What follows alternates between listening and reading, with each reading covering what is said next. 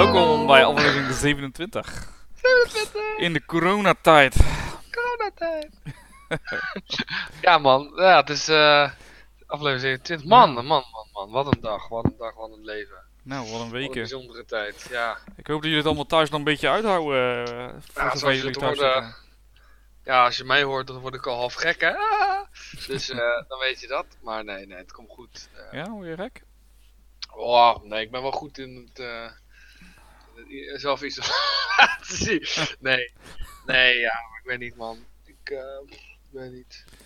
Ja, ik... eh, pff, aan de ene kant vind ik het wel lekker, aan de andere kant... eh, nou, ja... Ja, ik weet niet. Ja, maar dat is zo, hè. Aan de ene kant vind ik het ook super chill. Want, weet je, ik vind het super fascinerend hoe ik mijn werk gewoon van, kan doen vanaf thuis. En het gaat echt super goed. En dat vind ik super tof. En ik hoop ook echt dat we dit doorzetten met z'n allen. En niet alleen natuurlijk wij met ons werk, maar gewoon heel, heel de wereld. Ja, En want dit, dit, dit scheelt zoveel eh, uitstoot en dit scheelt zoveel eh, stress ook. Hè? Laten we eerlijk zijn, want reizen, ik zit eh, twee uur per dag in de auto bijna. Nou, dat heb ik nu niet. Ik vind het super fijn dat ik dat, die stress niet heb, weet je wel. Ja, stress, je denkt, ja, autorijden is geen stress. Maar gewoon het feit dat je, als je klaar bent met je werk dat je naar huis wil, en dat je gewoon een uur in de, in de file staat, dat is gewoon niet tof, weet je wel. Dus ja, ik hoop dat we dat doorzetten, want dat is gewoon, dat is gewoon fijn, weet je. Het is gewoon fijn, gewoon een beetje... ja Aan ik- de andere kant, wat ik wel heb, hè, is dat, kijk, werk en je privéleven moet je scheiden. Dus dat is soms wel lastig. Dat je dan toch thuis in je safe zone, zeg maar, je werk aan het doen bent. Ja, dat, maar dat is. eh, ik- toevallig werd ik vanmorgen geïnterviewd. Toen vroeg ze, eh, die dame vroeg ook van ja, hoe, ehm, hoe zorg jij ervoor natuurlijk dat je die scheidslijn hebt? Hè? Dat je, die, hoe, geef jij je, hoe zorg je ervoor dat je grenzen bewaakt, zeg maar, met betrekking tot werken? Want we met je erop kwamen van ja, weet je, als je thuis zit te werken achter je computer, je blijft lekker zitten, je pakt een bakje koffie. hè, Ja. s- eh, en die computer staat aan, dus je kan altijd weer terug. En dat je niet uitkijkt, dat je zit je tot tien uur s'avonds, zie je gewoon achter dat ding, weet je wel. Dus eh, ja, dat is ook wel, dat, dat, dat moet je ook wel met je leren. Ik had de eerste paar weken, was natuurlijk ook wel extreem druk. Maar dat ik echt lang achter die computer bleef zitten en vroeg begon en dat ik mezelf een beetje verloor in, in het werken, weet je wel. Ja, ja nee, maar dat had ik de eerste, nou, twee weken ook. Ja, Nou, vooral de eerste week zo, toen heb ik veel gewerkt. Nu heb ik wel een beetje de balans gevonden. En weet ik ook wanneer ik gewoon echt oprecht mijn werktelefoon even weg moet zetten. Of weg moet leggen of even uitzetten. maar dat is Dat hoe het werkt. Hè. Als je het gewoon wegzet of uitzet, dan, Ja, het is gewoon klaar. dan is het klaar. Dus, En als het eh, echt extreem is, stel het is echt een drama aan de hand, weet je, dan kunnen ze altijd nog op je privé-telefoon bellen. Ja, precies. Weet je, dus dan kan je dat ook gewoon uitzetten. Nou, eens. Dus Ja, ja, let goed op jezelf als je thuis zit hè, en zorg dat je die balans bewaart. eh. En dat doe je nu ook door eh, naar onze podcast te luisteren.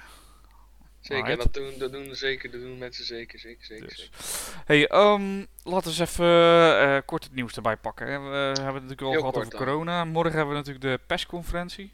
Ja, ik Verwachtingen? ben benieuwd wat uh, naar verwachting, aantal zaken gaan wat verlicht worden, vermoed ik. Maar het meeste zal nog steeds streng eh, dicht blijven, denk ik. Ja, ik denk dat eh, basisscholen weer open gaan, denk ik.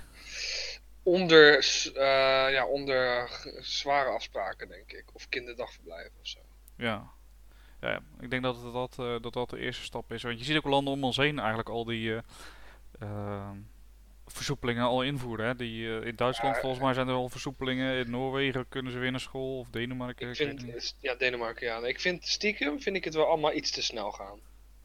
Ja, Want als je hoort hoe gisteren nog wel 80 tot 100 mensen weer zijn overleden, denk ik, jongens, weet je, ik snap dat we allemaal onze bedrijven en zo willen redden, maar kom op, weet je. Is dat het wel? Want dan blij, blij- ja, het gevolg is dat er wel weer mensen gewoon toch doodgaan. Dat er toch mensen weer met elkaar in contact gaan komen. Ja, ja, ik zag ook gisteren eh, in, ehm, een, een special in China of zo. Of misschien was het nieuws gewoon, dat weet ik niet. Maar die, eh, die, die vroeg of wij helemaal gestoord waren met, eh, als we, eh, toen, toen we het hadden over groepsimmuniteit en geen mondkapjes en zo. En die zei van ja, la- weet je, leer eens nou eens van onze fouten hier, zeg Ja, maar dat is toch zo? E- exact, dat bedoel ik ook. Leer daar ook van. En dat, Ja. Ik vind het alleen dubbel, weet je wat? Ik denk, als jullie zo goed zijn, waarom hebben jullie dan jullie virus over de rest van de wereld laten verspreiden? Ja, maar ja, goed, weet je, ze hebben het wel echt beperkt, toch? Ze hebben heel Wuhan dichtgegooid. Dus het is, ja, weet je, het is wel moeilijk om, om te zeggen hoe ze dat moesten doen. Kijk, wij, wij hadden kunnen weten dat er iets aankwam. En wij waren er ook te laat mee, Ja. denk ik. Ja, dat is waar, want eh, ik zag ergens, eh, las ik in een artikel dat eh, ehm, de Europese Unie die had in januari al gezegd tegen alle landen, eh, Europese landen van jongens, er zijn nog geen aanvragen voor, ik weet niet waar het precies om ging, geld en materiaal volgens mij, van jullie Ja. gekomen, weet je wel. Eh, let op, weet je, het komt eraan. Eh, waarom hebben jullie nog geen aanvragen gedaan? En dat was de Europese Unie, zeg maar. Hè? Dus het is niet Ja, bijzonder hè? zo random een of andere organisatie. Ja, maar ook hoe, eerlijk is eerlijk, iedereen, en ook mensen die hier naar luisteren, die hebben allemaal grapjes gemaakt over corona. Ah, Ja, iedereen, ik ook. Tuurlijk. Over vervelende situaties en grappen. En, en toch zie je dat de mensen dan toch, ondanks dat, ja, toch niet zien aankomen dat er iets zoiets groots bij ons ook gebeurt. Hè. Maar dat is ook, eh, dat is ook logisch natuurlijk, als je kijkt naar SARS. Hè? De, ik bedoel, dat was Ja. ook een groot ding. En uiteindelijk, volgens mij viel dat allemaal hartstikke mee. Ja, dat zie je ook heel erg mee. Dat is ook niet verder gegaan dan, eh, dan Azië volgens mij. Nou ja, voor mij een paar gevallen, zeg maar, maar niet zo extreem natuurlijk als eh, we nu in zitten. Hè? Nee, absoluut. Ru- Rutte noemde het niet voor niks. eh, de, wat was het? De meest buitengewone situatie buiten oorlogstijd. Dus eh, ja, ja, nou ja. Ik ben benieuwd ja, hoe het verder gaat. We gaan het zien, jongen. We gaan het zien, ja. Ehm, ja, als we dan...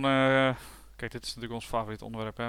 President Trump is makkelijk om, om, om daar mee te scoren natuurlijk. Maar als je ziet wat die gast aan het doen is, joh, dan denk je toch, dat wil je toch niet als president? Ja, dat zou ik ook niet willen als president, inderdaad. Maar ja, waarschijnlijk veel van zijn achterban die willen hem wel als president. Ja, dan zit hij daar niet. Maar hij is, eh, hij is eigenlijk eh, natuurlijk bezig met eh, wat hij eigenlijk goed doet. Hè? Door eerst te zeggen dat het allemaal meevalt en dat ze de greatest zijn, dat het allemaal wel goed komt. En dan vervolgens als het shit hits de fan.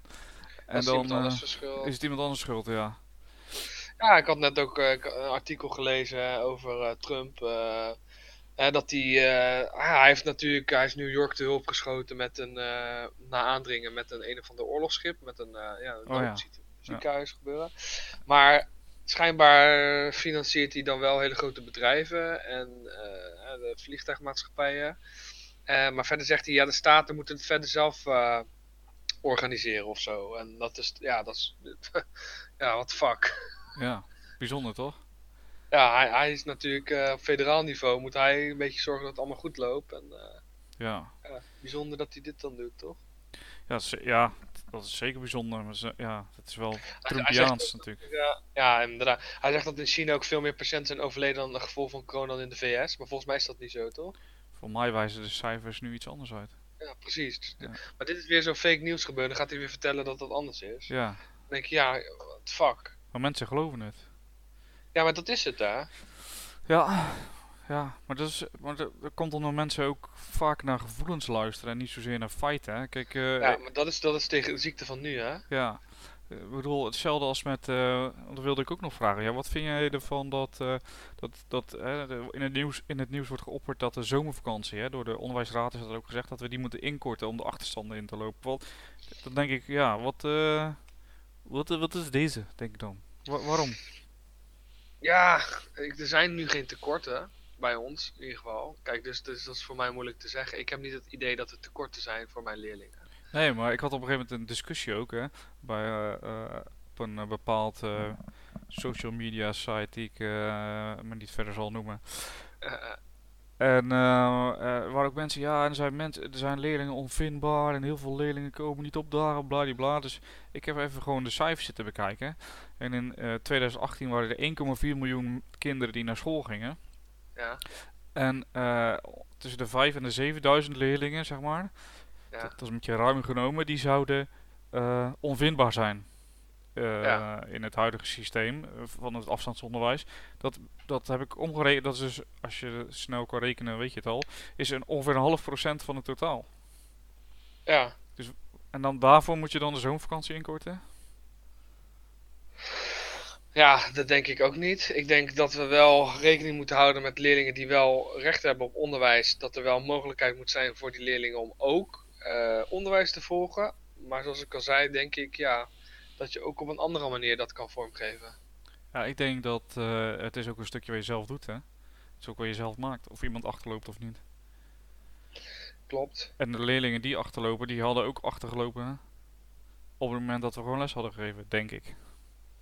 Ja, dat, weet- dat kunnen we niet zeggen. Dat is, dat is heel lastig om te Ja, zeggen. dat is wel ervaring een beetje, toch? Ja, is ook wel zo. Kijk naar jouw je- klas. En, en eh, daar heb je vast leerlingen zitten waarvoor, die nu misschien achterlopen. Die Ja, sowieso nee, dat- achtergelopen. Ja, dat ben ik met je eens. Dat is ook zeker waar. Zeker waar. Ja. Ja, lastig. Maar er zullen ook leerlingen zijn, misschien in andere klassen of andere plekken in Nederland, die achterlopen puur door dit hele gebeuren. Ja. Eh, maar dan ben ik ook weer van mening dat je als school daar iets aan kan of moet doen. Want daar heb je nu de tijd en de mogelijkheid voor om dat digitaal vorm te geven. Eh, dus ja, kijk, weet je, voor mij inkorten, dat, ja, ik vind het een beetje overbodig, denk ik. Ja. Eh, maar anderzijds denk ik wel dat we er een beetje voor open moeten staan dat als we een ja, weekje eerder beginnen, laten we, weet ik veel, dan eh, best prima, toch? Eh, Ja, voor jou niet, hè? ik hoor het al. ik vind het lastig, weet je wel. Het hele jaar door ben je als docent bezig, ook in vakanties. En de zomervakantie is eigenlijk een van de weinige vakanties waarbij je vijf weken, eh, als je gelukt niks. hebt, Ja. dat je even niks hebt, weet je wel. En de laatste week begin je eigenlijk altijd al. Ja. eh, met voorbereidingen. Vaak doe je de eerste week doe je ook nog eh, een soort van eh, afsluiting. Vol, afsluiting van het jaar en, vol, en overdrachten en weet ik het wat. Dus eigenlijk heb je maar vijf, vier, vier à vijf weken heb je al nog maar. Ja, En dan ga je het ook nog eens inkorten, waardoor je, ja, weet je. Ik denk dat mensen zich op dit moment helemaal de, de pestblubber werken in het onderwijs. ja. maar dat en is natuurlijk de zeker zorg, maar in in het onderwijs gaat het natuurlijk nu om. Ik denk dat mensen zich helemaal eh, de vier keer in de rond te werken om het Ja, afstandsonderwijs eh, vorm te geven. En dan ga je ze ook nog ja, eh, extra laten werken. Ja, ik vind het dubbel. ja. Even over de zorg, hè? Ja. Ik hoorde van een maat van mij dat een docent had gezegd dat de docenten net zo hard werken als mensen in de zorg. Nou, ik wil wel eerlijk zeggen, als docent, dat ik vind dat we dat echt niet mogen of kunnen vergelijken hoor. Nee, nee, eens. Weet je, ik bedoel, even serieus. Tuurlijk, ik werk echt wel hard nu. Eh, maar, ja, sorry hoor, maar ik ga mezelf echt niet vergelijken met een dokter die zijn leven op het spel zet. En keihard mensenlevens aan het redden. Sorry, maar dat is gewoon niet te vergelijken. Nee, dit is een mooie documentaire eh, op, eh, ik dacht NPO 1. Eh, en dat ging eigenlijk aan het begin van de coronacrisis. eh, was er zo'n dame, zo'n eh, journalist, die was bij de IC's, zeg maar, ging ze even kijken hoe het zat. En dan een week later, weet je wel. En eh, ja, die, eh, als je dan hoorde wat, hoe, hoe- hoeveel zij werkte, weet je. Het is niet 8, 5 of eh, whatever. Nee, het is gewoon fucking één stuk door. Geen vakanties, weekenden bestaan niet meer. En dan, ja, ik vind niet dat wij kunnen zeggen dat wij net zo hard werken. Zeker niet. Nee, tuurlijk niet. Tuurlijk niet. Maar dat dat vind ik ook echt niet dat je dat mag zeggen. Nee, dat vind ik ook. Weet je. Dan zet je ook, vind ik dat je de zorg te, te- veel te kort doet. Wat we natuurlijk al jaren doen. Ja, absoluut. Oké, zullen we het over geschiedenis gaan hebben? Want eh, we zitten alweer... eh het Zeker, is zeker. wel interessant, zeker. maar eh, we zijn natuurlijk eigenlijk geen politiek... Nee, nee, klopt. Nee, maar we hebben, wat hebben we deze week op, op programma staan? Er staan wel een aantal leuke dingen op het programma. Ehm, zoals 20 april eh, eh, 1808 eh, be- wordt Amsterdam be- benoemd tot hoofdstad van Nederland onder Lodewijk Napoleon, onze eerste koning. Ah, Dat wat was het ervoor? Eh, Wat ja? Den Haag hè? Ja, Den Haag inderdaad. Ja. Ja. Dus eigenlijk, eigenlijk moeten we ze gewoon zeggen dat Den Haag gewoon eigenlijk de hoofdstad is. Kan. en dat de stomme ja. Fransoos gewoon het veranderd heeft. Het is ook wel, eh, het is ook wel onlogisch natuurlijk. Het is echt heel vaag eigenlijk, hè, dat Den Haag niet de hoofdstad is. Nee, want ja, daar zitten onze politieke eh, zetels. Ja. En dan hebben we in Amsterdam als hoofdstad. Dat is eigenlijk heel onlogisch natuurlijk. Zeker, zeker, zeker. Nou moeten we maar eens even gaan veranderen, denk ik. Ja, petitie starten. Ehm, oh, ja, op 20 april 1887, dus dat is weer eh, 80 jaar later, uh, 79, eh, wint George Button eh, in Parijs de eerste gemotoriseerde race ooit in 1887. Dus de eerste met raceauto's, zeg maar, dat hij won. Is grappig? Ja, super, super vet inderdaad. Dan kun je zien hoe ben lang... gewoon de eh, eerste, de eer- de eerste persoon die ooit een eh, race gewonnen heeft die gemotoriseerd Ja, is. toch, ja, vind ik wel tof. Ja, vet hè? Eh, ja, en dan gaan we even een stukje terug eigenlijk de geschiedenis in. Oeh. Deze vind jij misschien wel leuk. Nou vertel maar, dan ga ik wel even zeggen of ik dat leuk vind. Nou ja, eh, 1 op 21 april eh, 753 voor Christus. Dus dat is echt een flink aan terug. Ehm, ja. dan zou volgens de legende, volgens de mythe, zou eh, Rome zijn eh, gesticht. Dat is echt heel knap dat ze dat precies weten dat het 21 april is. Oké. Ja, ja, ja. Ja, Ja, ja, dat door twee, eh, twee broers, hè? ja, Twee ja. gebroeders. Gebroeders Romulus en Remus. Nou, iedereen kent Romulus en Remus wel, hè? Alleen ja, wat, wat is het verhaal nou rond Romulus en Remus? Hè? Dat zijn de tweelingzoons van de god Mars. En Mars. van- ja, je bek joh. Niet voor Jupiter. Nee, je bek joh. Gaan we dit weer krijgen? Vuile rat. Sorry. Ja, ga verder. Maar goed, het zijn dus eh, de tweelingzus van de god Mars.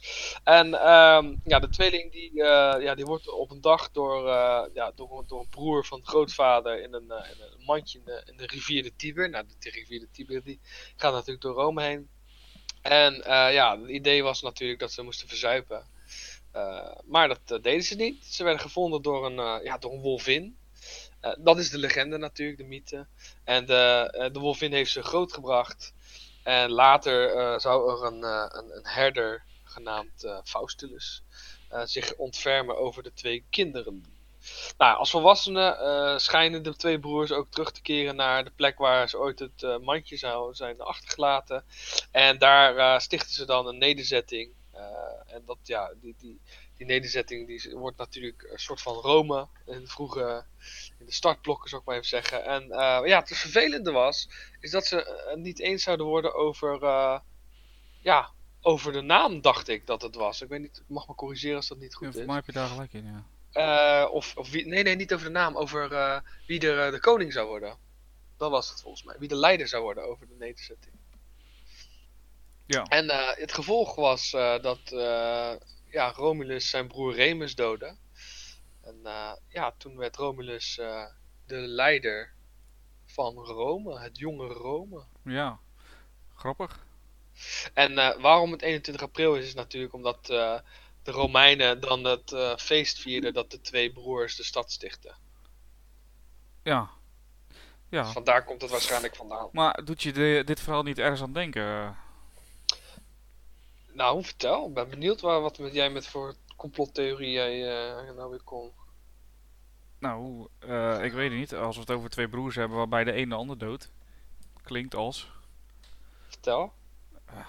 Dat, nou, het Bijbelse verhaal natuurlijk. Van de twee broers, Ja, Kain en Abel. ja, ja. Ka- Kain en Abel, inderdaad, ja. Ja, dat is natuurlijk eh, heel bijzonder dat dat, eh, dat dat een beetje op elkaar lijkt natuurlijk, hè. Maar toch ook niet helemaal. Nee, natuurlijk niet helemaal, maar dat is wel echt een, een, een, een terugkomend iets, hè. Ja. In de mensen, mensenheugenis is dat eh, twee broers toch eh, tot dit soort... eh, Ja, maar ik Ja. bedoel, het is niet helemaal verwonderlijk dat het op elkaar lijkt. Hè? Want als we kijken, we hebben het volgens mij vorige keer over Pasen gehad. Hè? De, de christelijke tradities worden natuurlijk altijd gebaseerd op iets wat al bestond Mhm. eigenlijk. En dat is dus hier Ja, denk ik ook het geval geweest. Dus dat Kain en Abel gebaseerd is op deze twee broers die dan elkaar, waarvan één de ander dood.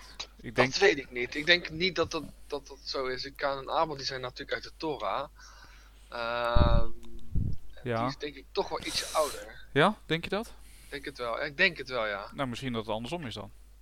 Ja, dat zou ook kunnen. Maar het mooie daarvan is wel dat eh, bij de legendes dan misschien toch weer van eh, weer een gelijknamige Verhaal. Eh, ja. verhaal komen. En dat zie je ook vaak. Hè? Denk maar aan de, de, de, de overstroming in de Bijbel, hè? De, de, de vloed. ja, Dat is ook, eh, dat is ook in andere culturen komt het te sprake. Dat er toch een overstroming is geweest in het Zwarte Zeegebied.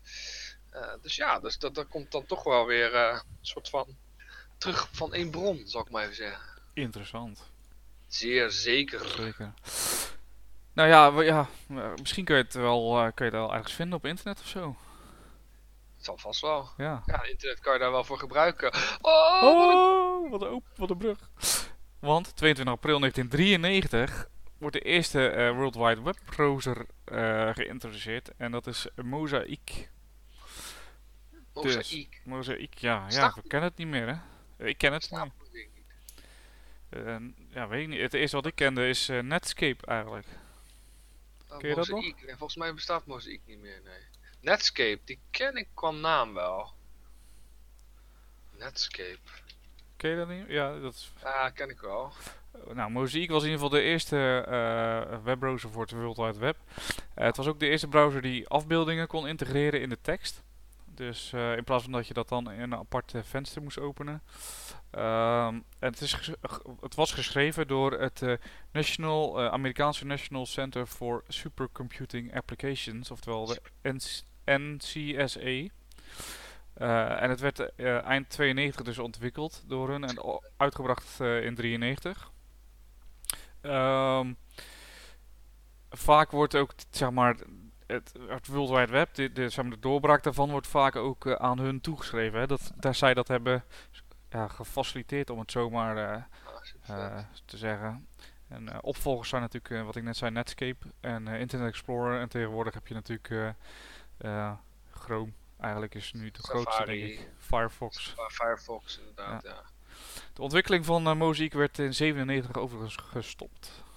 Oké, dat is best wel snel daarna al. Ja, ja. ja die andere browsers worden toch, kijk, net zo. Windows heeft had natuurlijk, eh, Microsoft had natuurlijk een soort eh, monopoly, monopolie op, op stuurprogramma's. Dus op het moment dat zij natuurlijk een eigen browser ontwikkelen, die overigens wel eh, gebaseerd was op eh, Mosaic, ehm, ja, dan, dan zie je ook dat de populariteit van eh, de rest natuurlijk afneemt. Ja. ja, maar dat is vaak zo. Ja. Dus. Nou ja, dat is wel grappig toch? Ja, leuk weet je man. Ehm, ja, je zal zien dat er nog een aantal tech dingen terugkomen. Maar de volgende is niet echt tech. Dat is meer Nederlands revenge eigenlijk. Want op 23 april 1949 annexeert Nederland delen van Duitsland als compensatie voor geleden oorlogsschade. Eh, dus er zijn echt grote gebieden, of grote gebieden, er zijn echt een aantal gebieden die eh, geclaimd zijn door Nederland. Ik Ja. geloof dat Nederland, de originele claim van Nederland ervoor zorgde dat Nederland met een derde groter werd. Nou, dat werd uiteindelijk niet toegekend natuurlijk door de geallieerden. Maar er waren dus wel een aantal gebieden. ehm, ja, was toen eigenlijk minister-president? in 49 Ja, was dat niet eh Den Uil? Nee. hij is Drees. Drees, ja, denk ik Ja, moet wel Drees zijn. Ja. Maar het is wel bijzonder dat, eh, dat, eh, ja, dat ze daar dan voor kiezen. Van jongens, we gaan... ja, dat ze dat overnemen. Ja, maar dat was, dat, dat was natuurlijk, ehm, hoe zeg je dat? Ja, Nederland was gewoon heel boos natuurlijk, hè? Nederland was gewoon echt heel boos op Duitsland. Ja, O- tuurlijk. ook omdat Nederland min of meer er eigenlijk door de geschiedenis heen, eh, nou misschien niet de, de, maar in ieder geval dat het Duitsland is, hè? Ze, ze- dat ze eigenlijk meer geallieerd zijn, dat ze vrienden zijn, eh, dan, eh, Ja, dan vijanden. Dus daarom was Nederland natuurlijk gewoon boos door, voor de, met betrekking tot de bezetting en wat voor impact dat had gehad. Zeker als je natuurlijk ervan uitgaat, hè, de, dat laatste, de laatste fase is natuurlijk de, de, de hongerwinter bijvoorbeeld. Ja, daar, daar zat gewoon heel veel zeer. Dus ehm, ja. ja, precies. dus in eerste instantie wilden ze echt heel veel gebieden eh, ehm, Ik heb een eh, plaatje gevonden van, het, van dat, eh, van dat eh, stuk. Dat is echt een heel groot stuk. ja, Eh, Keulen zit er ook bij. ja. Ja, je kan Holy shit. je kan me voorstellen dat de geallieerden dachten, nou laten we het op niet doen. Ja, Maar eh, als voorbeeld, ehm, even kijken hoor, eh, de, de grens in Ham bij de Rijn, eh, zo'n 20 vierkante meter was overgenomen. Wat grensweggetjes eh, er er zitten daarbij. Eh, een onbewoond strookje van 0,05 vierkante kilometer. de hals bij Sittard ter grootte van, van ongeveer 42 vierkante kilometer en ook bewoond door ongeveer 5600 personen werd geannexeerd. Die werden ook echt geannexeerd, zeg maar. Eh, en bij, eh, als laatste eh, grensstaat bij Vaals werd overgenomen. In totaal zouden er dus Duitsers, zouden zo'n 9500 Duitsers Nederlands worden. Ehm, maar uiteindelijk is dat natuurlijk weer teruggegeven. Dat gebeurde in 1963. Eh werd de, al die delen weer, werden weer Oh, teruggegeven. dan is het best lang zo geweest, hè? Ja. Ja, dat, Dat is best wel, dat is best wel bijzonder eigenlijk. Ja. Ja, het is gewoon eh, meer dan tien jaar gewoon. Ja. Nou, er was wel eh, een kleine wegverbinding eh, die door Duits gebied liep tussen Brunsum en Roermond. Dat is de N274. Bleef eigenlijk tot 1 januari 2002 onder Nederlands beheer. Oh, wat grappig. Ja. Eh, nu is, al eh, is alweer teruggegeven. Ehm, maar met de open, open verbindingen natuurlijk in, Europa is het ook niet meer interessant, denk ik, om dat Nee. op die manier te verdelen. Dus, dat is wel grappig toch? Dat is wel bijzonder iets. Ja, in totaal hadden we ongeveer 69 vierkante meter eh, geannexeerd. Dat is, dat is niet zo heel veel. Ik, ik heb ook een plan gevonden dat ze nog meer wilden claimen volgens mij. Maar dat is niet helemaal... eh, Ja, da- ja ze wilden echt, heel, veel- is echt een heel groot gebied. Ja. Eh, Maar ja, dat werd dus niet gehonoreerd. Maar goed ook, denk ik. Nee, precies. Dat heeft helemaal geen zin. Heeft helemaal geen zin, joh. Daarom. Eh, iets anders eh, is dat op 23 april 2001 eh, Intel de, de Pentium V-processor introduceert. Ik dacht, dat is misschien wel interessant in vergelijking met die webbrowser, zeg maar. Oké. Dus Intel V, ja, waar zitten we tegenwoordig eigenlijk in? Welke Intel, ik weet niet of het nog echt ge- genummerd wordt. Volgens mij niet. Geen idee. Ik weet nog dat mijn eerste Pentium had een, een, een, was een Pentium 90. Volgens mij had ik daar een, eh, een turbo knop op. Of was dat nog Turbo, mijn 4, turbo. was dat nog mijn 486? Geen idee, man. Dat was 90 megahertz, hè. We zitten tegenwoordig aan, eh, wat is het, 4 gig of zo? 4 gigahertz? 8 gigahertz? Met 4 cores en, eh, of 8 cores? Ja, Serieus, ik ben hier zo slecht in. gaat als een malle in ieder geval. Ja. Het grappige is dat, ik, eh, dat we gisteren zat ik Friends te kijken. Ja, en eh, toen had, eh, die, had een van die gasten had zo'n oude laptop zeg maar meegenomen. Dat was echt nog een, eh, een eh, 486 met een 28.000 bps eh, modem. Zo'n oud crap ja. ding. Maar dat, die serie is natuurlijk uit 95, 94, eh, 95 zeg maar begon die in 94. En 95 was het seizoen 2 en daarin was dus die laptop. En toen moet je bedenken dat je dus in 95 zo'n laptopje had. Ja, En waar we nu zitten. Dat is toch ja bizar? bizar, hè? Ja, bizar, hè? Ja. Maar je moet, altijd, gaat zo snel. je moet wel altijd uitkijken voor, voor Trojan horses natuurlijk. Ja, dat zijn wel hele vervelende virussen. Maar waar komt wat een vandaan? goeie- wat, wat een goede koppeling, man. Oh, je bent echt scherp vandaag. nou, dat is een leuke, leuke koppeling inderdaad. Dat, dat, dat Trojaanse paard natuurlijk. Het paard van Troje, dat kennen we allemaal wel, hè. En hoe, eh, hoe de Grieken Troje binnenvallen met een eh, geschenk van een houten paard. En daar binnenin zitten natuurlijk de Griekse eh, troepen verstopt. Ja. Ja, het is Nou ja, echt het wel een, eh, het is een oud, een, eh, oud Ja, verhaal. Een eh, verhaal van Homerus inderdaad, hè. Ja. de Ilias. ehm, nou ja, het is natuurlijk, het wordt nog steeds over gepraat over wat Troje nou was. Of het nou bestaan heeft, waar het zou hadden moeten gelegen. Maar voor zover ik weet is het een fictieve staat. Ehm, in ieder geval het verhaal is fictief. En het gaat erom dat de, de Grieken eh, te strijden trekken tegen de, de Trojanen. Want een van de zoons van de, ik geloof de koning van, eh, van Troje, als ik het goed zeg. eh heette Para- Parijs, Paris heet dat, geloof ik, Ja. die zoon. En die, eh, ja, die werd verliefd op eh, Hel- Helene, eh, Hel- Helen uit Troje. Nee, van, nee, dus, nee, ik zeg het niet goed. Zij werd Helen van Troje. Eh, maar eigenlijk eh, was ze natuurlijk getrouwd met een, eh, met een, eh, ja, met een Griek. En uiteindelijk eh, ja, nam hij haar mee eh, naar, naar Troje. En toen ja, uiteindelijk wilde eh, die koning, ik geloof dat hij, eh, zijn naam even kwijt, in ieder geval, hij wilde die vrouw terughalen en ging toen alsof een bon, zijn bondgenootschappen in Griekenland ging die meenemen naar Troje. Om daar oorlog te voeren voor die vrouw. Maar Troje was volgens mij nooit ingenomen. En uiteindelijk konden ze dat dus wel door een list konden ze, konden ze, ja, konden ze de Troje dus innemen. Ja. En er zijn dus ook heel veel helden natuurlijk, die we, die we wel kennen natuurlijk. Hè? Eh, helden zoals Ajax, Hector, Achilles. Eh, ja, die, die vochten daar eh, en die stierven daar ook. Als echte demigoden, of hoe je dat ook in het Nederlands wil noemen. Ja. Ja, Dus- het is, het is in- ingewikkeld, ja. Het, het, er zit een hele mythologie ook achter. Klopt. En dat is dat drie goden, godinnen eigenlijk, Ja. ehm, die, eh, die boden pa Paris, Paris, Pa- Parijs, pa- boden die, eh, ja, die boden hun macht aan over de volken. Of tenminste, Hera bo bood macht aan over de, over de volkeren. Hè. Athene die beloofde hem kennis en wijsheid. En Aphrodite, Aphrodite zeg maar, die beloofde hem de mooiste vrouw op aarde. Nou ja, zoals een man vaker doet, gaat hij niet voor kennis of, of macht, maar voor een vrouw. Dus eh, schonk hij eh, een van de belangrijke appels schonk hij, eh, aan, aan Aphrodite. En die schonk hem dus die Helena. Maar die Helena was inderdaad, zoals jij vertelde, natuurlijk eigenlijk al de vrouw van koning Mane, Me, Menele, Oh, Mene- Manane- Manaleus, ja. ja. nu kom ik weer op die naam inderdaad. Ja, en dat, en dat was de koning van Sparta toevallig. Dus, ja, dat klopt, ja. Slecht, klopt. slecht idee. Ja, klopt. Ehm, ja, het grappige is inderdaad ook inderdaad die goden die zich altijd dus vermengen met die Griekse mensen. hè, Dat zie je ook. Ja, Ja, natuurlijk zijn die andere goden eh, natuurlijk hartstikke boos. Omdat eh, Par- Paris, Paris, zeg maar, eh, ja, haar gekozen heeft. Hoe heet ze ook weer? Afrodite gekozen heeft. Ja. Waardoor dus die oorlog ook eh, uitbreekt. Ja, precies. Dus dat is grappig. Dat is, eh, ja, en tegenwoordig natuurlijk ook, eh, daarom wordt het ook Trojan Horse geno- genoemd, hè, zo'n programmaatje. Eh, en er zijn natuurlijk nog veel meer eh, referenties naar dit. Wist je dat de Romeinen trouwens ook refereren aan de Trojanen?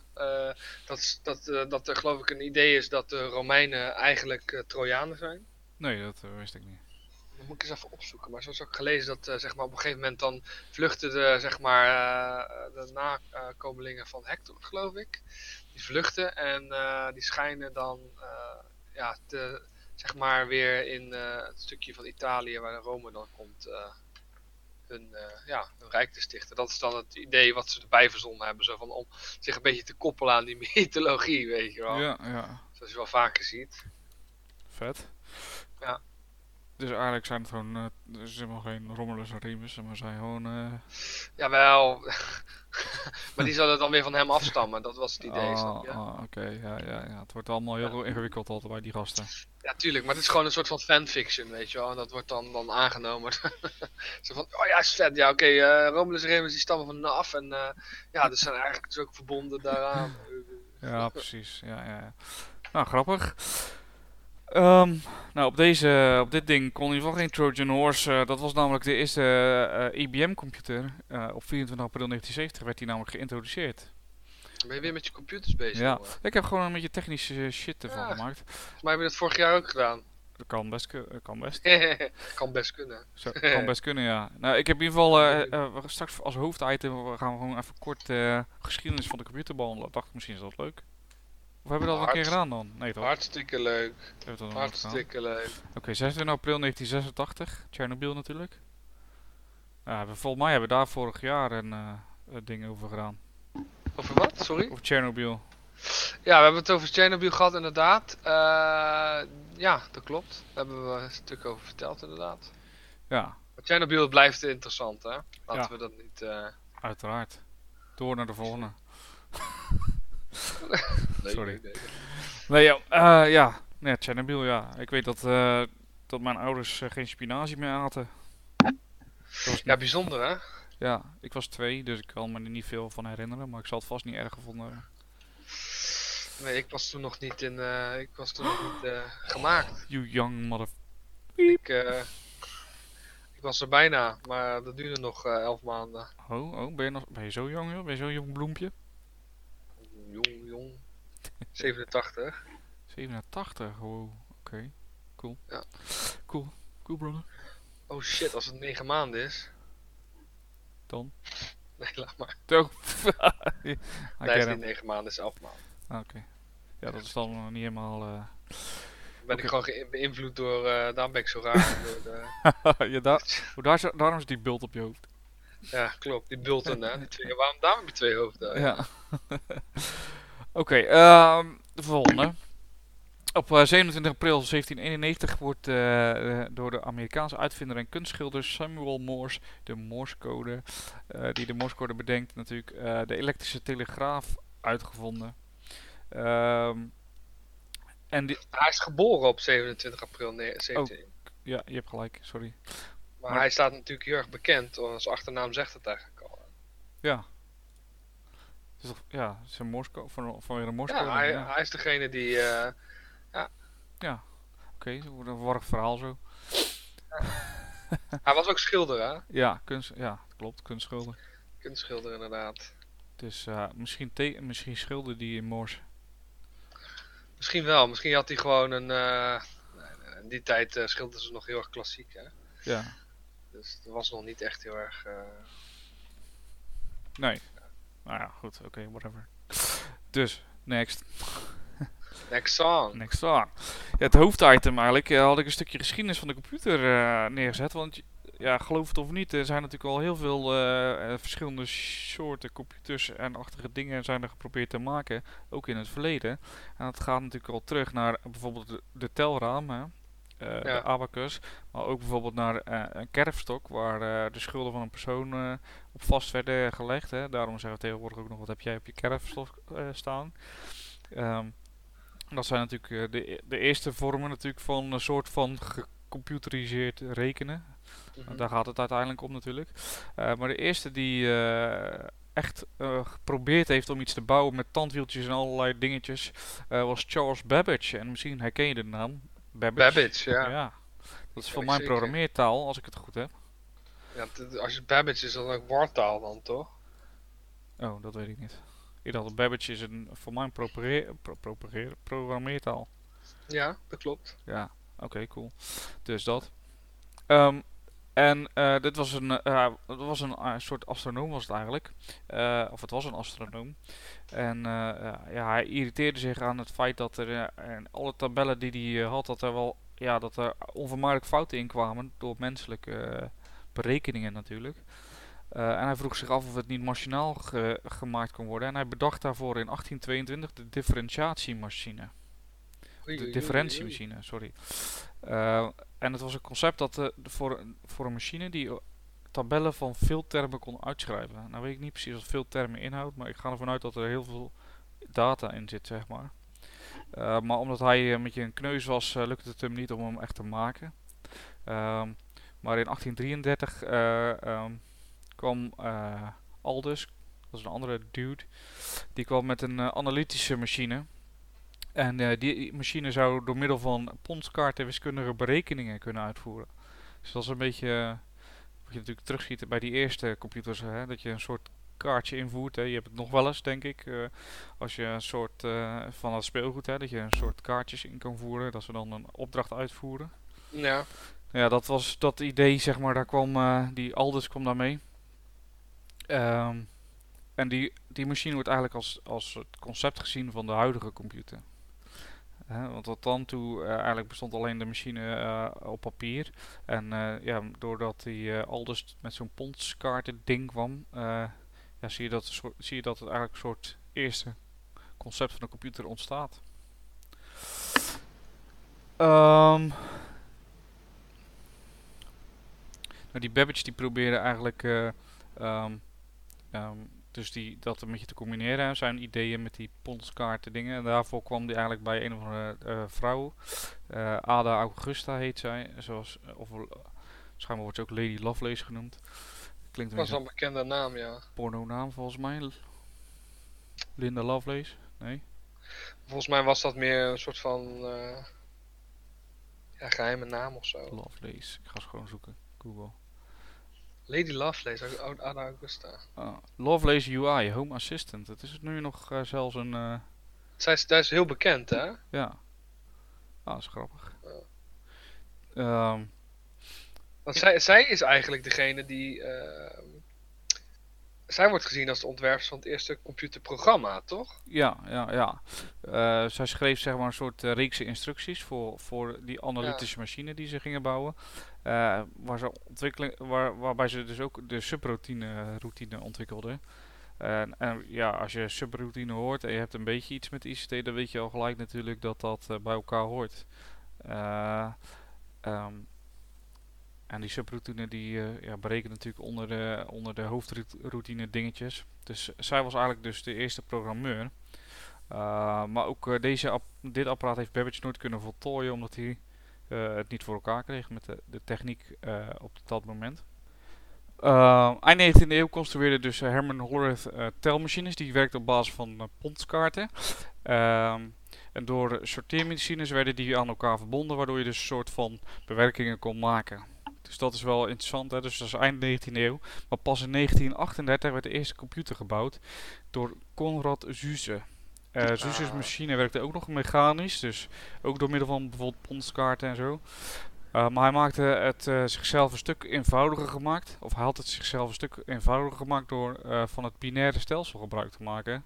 En een jaar later bouwde Zuse de eerste elektro elektromagnetische computer. Of de elektromechanische, jeetje, wat een moeilijke woord allemaal. lekker, lekker, onderwerp dit. Goed gedaan, Paul. Oké. Okay. um, maar goed, door de Tweede Wereldoorlog zie je eigenlijk dat die ontwikkeling van de computers uh, in vogelvlucht gaan. He, je ziet uh, um, in het uh, in, in het Verenigd Koninkrijk werd uh, van de Colossus gebruik gemaakt. Was, uh, die was gemaakt om de berichten te kraken van de Duitse Lorenz codeermachine. Ja. hij werd, de, die Colossus werd ontwikkeld door Tommy Flowers en was eigenlijk de eerste elektro ja, elektrocomputer, elektronische computer was het eigenlijk voor, als eerste. Dus niet meer met ponskaarten of um, mechanische tandwieltjes en allerlei shit. Nee, gewoon echt met, met elekt met elektriciteit. Hij maakte daarbij gebruik van elektro, uh, elektronenbuizen.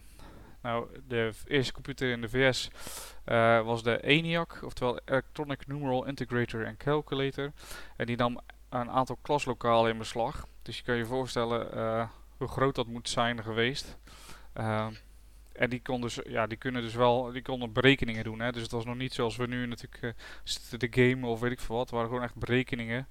Nou, bevatte ongeveer 18.000 buizen, 70.000 weerstanden, 10.000 condensatoren en 6.000 uh, schakelaars. Um, en hij gebruikte net zoveel energie als een zware locomotief. Dus denk aan je stroomrekening. Ja, bizar. Ja. Nou, op 7 augustus 1944 uh, wordt op de Universiteit van Harvard uh, door uh, IBM, IBM-onderzoeker Howard Aiken de eerste programmeerbare rekenmachine gemaakt. Dus dan zie je al een ja, zie je al iets verschijnen natuurlijk. Hè. Dat is ook allemaal eigenlijk gebaseerd natuurlijk op computerdingen. Um, maar goed, je moet je voorstellen dat in bijvoorbeeld 1954 pas de eerste computer in Nederland kwam. Dat was de ARA 1. Die kwam op het Mathematisch Centrum. en je moet je even voorstellen, die kostte 1,7 miljoen gulden. Zo. Ja. Uh, een harde schijf bestond er nog niet, dus daardoor was het ook lastig om gegevens op te slaan of programma's voor, ja, zeg maar, gewoon op te slaan in computers. Um, maar later werd er wel gebruik gemaakt van, van magneetbanden bijvoorbeeld. Nou, je, je, die, je, ziet ze ook met zo'n oude film zie je ook zo'n magneetband lopen. Ja. Um, uh, uh, het grappige is dat in 1947, uh, eh, toen de transistor uitgevonden werd, computers een stuk kleiner werden. maar IBM beweerde eigenlijk dat er wereldwijd niet meer dan een stuk of zeven computers nodig zouden zijn. het tijdschrift Popular Mechanics voorspelde echter dat er wel zeg maar, computers zouden komen die maar 1500 kilo zouden wegen. Nou, ik weet niet hoe zwaar jouw computer is, maar die van mij weegt totaal geen 1500 kilo. Ja, maar dat is gewoon de tijd. Ja, dat is de tijdsgeest. Maar ze hadden wel gelijk in de zin dat er natuurlijk kleinere computers zouden komen. Ja. Uh, want op een gegeven moment met alle ontwikkelingen in de elektronica. Uh, ja, ik ben niet zo technisch, maar uh, ik heb me laten vertellen dat bijvoorbeeld halfgeleiders die toegepast werden in transistoren ervoor zorgden dat computers kleiner en sneller konden worden. En later werden de transistoren zelfs geïntegreerd en schakelingen werden gebruikt. En dat noemden ze dan integrated circuits of zo. Uh, ik ben niet zo, ik ben natuurlijk geschiedenis en niet uh, technisch. maar goed, in ieder geval die, die chips, zeg maar, die computerchips werden steeds kleiner. Uh, en op een gegeven moment werden ze zo verbeterd dat ze dus in de jaren 70 in een, uh, in een processor ge geïntegreerd werden. dus je, je ziet eigenlijk dat ontstaan van die processor komen. waardoor het dus een stuk goedkoper werd om, om computers te bouwen. En er waren een aantal firma's die computers gingen bouwen op basis van eigenlijk die IBM computer. Uh, en die kwam dus eind jaren 70. Uh, en eigenlijk zie je dat, uh, omdat IBM een paar domme dingen had gedaan. denk daar daarbij bijvoorbeeld dat, dat ze Microsoft opkochten. van Bill Gates natuurlijk, bekend. En het besturingssysteem integreerden. Maar Microsoft was weer heel slim en die had gezegd: ja, wij willen dus niet alleen op jullie systeem kunnen. Wij willen gewoon op alle systemen kunnen. En IBM dacht van ja, fuck it, wij zijn de enige die een systeem kunnen bouwen, dus oké. Maar je ziet natuurlijk op een gegeven moment uh, worden er allerlei andere computers gebouwd. Mhm. Afgeleid van die IBM. En die konden allemaal dus Microsoft DOS op dat moment uh, uh, draaien. Ja, waardoor Microsoft natuurlijk heel veel geld kreeg. Al die andere, al die andere systemen hoefden niet opnieuw het wiel uit te vinden met een besturingssysteem. En uiteindelijk zie je dat zelfs IBM dus ja, een beetje eruit gefaseerd wordt. Omdat er gewoon andere alternatieven zijn die goedkoper zijn. de enige eigenlijk die nog een beetje uit, die, uit die tijd die zich nog staande heeft weten te houden is natuurlijk Apple. en je ziet nou dat het natuurlijk, ja, ik weet niet wat voor PC jij hebt. Ik weet tegenwoordig ook niet meer. Ik eh, kan tegenwoordig aanklikken wat ik wil en klaar. Ja, want dat heb ik ook. Ik heb ook een helemaal, eh, allemaal verschillende onderdelen zitten erin. En ik zou niet uit mijn hoofd kunnen vertellen wat erin zit. Nee, nee. Nou, natuurlijk bekende namen zijn, eh, zijn Intel en eh, hoe heet de andere? Het bij Intel houden. Nee, daar kijk ik nou niet op. kijk ik nou niet tegen. Shit, ik heb het allemaal. Ik gebruik gewoon die shit, gebruik ik ook gewoon. Staan. AMD natuurlijk. Tuurlijk, AMD, AMD. ja. Hè, dat zijn nu eh, bekende systemen. Eh, en Intel heeft natuurlijk een beetje die markt van eh, IBM overgenomen. Dus eh, ja, en je ziet dat in, in eh, 2006 hadden we nog allemaal zo'n PDA, weet je wel? Zo'n, heb jij dat gehad, zo'n PDA? Denk ik niet. Nee, ik heb geen PDA gehad. Dat, dat was eigenlijk een soort voorloper van de mobiel en, en de tablet. Dus het was een beetje formaat tussen mobiel en tablet in. En daarin kon je je agenda bijhouden. En eh, je kon er niet mee bellen, maar je kon wel je agenda bijhouden. En als, als je wifi had, kon je ook eh, een beetje browsen op internet en je e-mailtjes bekijken. Ehm, ehm, maar je kon natuurlijk niet eh, bellen. En eigenlijk is die PDA er gewoon uitgefaseerd door onze mobieltjes, die nu alles gewoon zijn. Eigenlijk. Ja, het is alles in één. Alles in één. Dus die eerste computers, bijvoorbeeld, daar zat, eh, eh, ehm, wat was het? Ik geloof 10 MB harde schijf in. Ja, bizar. hè. Ja, Maar moet je kijken hoe klein zo'n mobieltje is vergeleken bij van die gigacomputers vroeger. is toch bijzonder. ja ze zijn natuurlijk eh, duizend miljoen keer zo snel. En Ja, bizar. En ze kunnen meer gegevens hebben en ze zijn kleiner. Bijzonder. ja, ja. Dus ja, dat is een beetje de geschiedenis van de computer eigenlijk. En je ziet, eh, hè, van mechanisch ga je langzaam over naar, eh, naar elektrisch. En eh, de elektrische, ja, alles werd natuurlijk gewoon verbeterd. Hè. Je, ziet, eh, je ziet dat gewoon een, eh, een soort technologie boost is gekomen. Daar word je gewoon eng van eigenlijk. Ja, dat is wel heel knap. Ja, wel vet. Vet shit houden. Ja man, absoluut. Maar dat je, ja, weet je, ik weet nog dat ik op de middelbare school zat en dan mijn docent zei: Nou, eh, je moet uit je hoofd leren rekenen, want je zal nooit een rekenmachine in je zak hebben zitten. Huh, kiss again. Ja, echt hè? Dat is Ja. wel heel knap. je zal nooit een rekenmachine in je zak hebben zitten. Nou ja, dat denk je zelf. Echt, ik weet nog wel dat ik, ehm, toen ik ehm, studie deed, in 2005, dat een docent zei tegen mij, ja, zal, eh, was wel een hele slimme vent. Die zei, op een gegeven moment zijn er computers met de harde schijven van een terabyte. En wij keken elkaar echt aan van, ja, what the fuck. Het is toch veel te groot, weet je wel, what the fuck. En eh, nou, nu zijn we daar al. Precies, ik wou zeggen, daar zitten we al. ja, bizar hè? Ja, ja, vet. Ja man. Ja, en dan zijn we alweer aan het einde gekomen. No. Ja, ja, we moeten eigenlijk weer een beetje de draad gaan oppakken natuurlijk. Ja, moet wel man, want eh, ja, anders verlies je jezelf hier ook in. Ja, ja. Ik wil, ik wil weer naar mijn werk. Nou, dat zeg ik ook niet, maar nee, ik wil wel ik wat gaan doen. ja. Maar ook bedoel, ik eh, bedoel eigenlijk meer eh, qua podcasting eh, regelmaat. Ja, zeker, zeker, Ja, zeker. ik zou volgende week maandag is natuurlijk Koningsdag. Ja. Dus dan hebben we vakantie. Zeker. Dus moeten we ergens die week even kijken of we mooi kunnen opnemen. Ja, moeten we maar even kijken of we dat doen. Even kijken, misschien kunnen we iets over... doen. Ja, dat wou ik net zeggen. misschien- Oh, Oh, great minds think alike. Oké. I'm game. Ja, ik ook. Cool.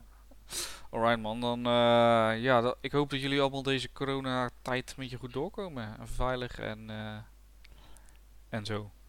En zo, ja, en zo. Mooi gezegd, Paul. Ja? En zo. nee, ehm, ja, we hopen natuurlijk als jullie nog iets leuks te melden hebben. Of als jullie ons eh, willen, een berichtje naar ons willen sturen, kunnen jullie ons altijd mailen naar het, het de raadspensionaren.gmail.com of de, hoe heet het ook weer, het raadpension op eh, Twitter. Ja, ja, ja zeker. Twitter. Twitter. Station op Twitter. Ja, dus eh, stuur ons een berichtje als je iets leuks te melden. Misschien hebben we nog suggesties, ideetjes, vragen. Kan allemaal. We zijn beschikbaar voor jullie eh, ja, feedback. Zeker weten. Dus, tot de volgende keer. Ja, tot de volgende keer en we spreken elkaar eh, heel snel. Ik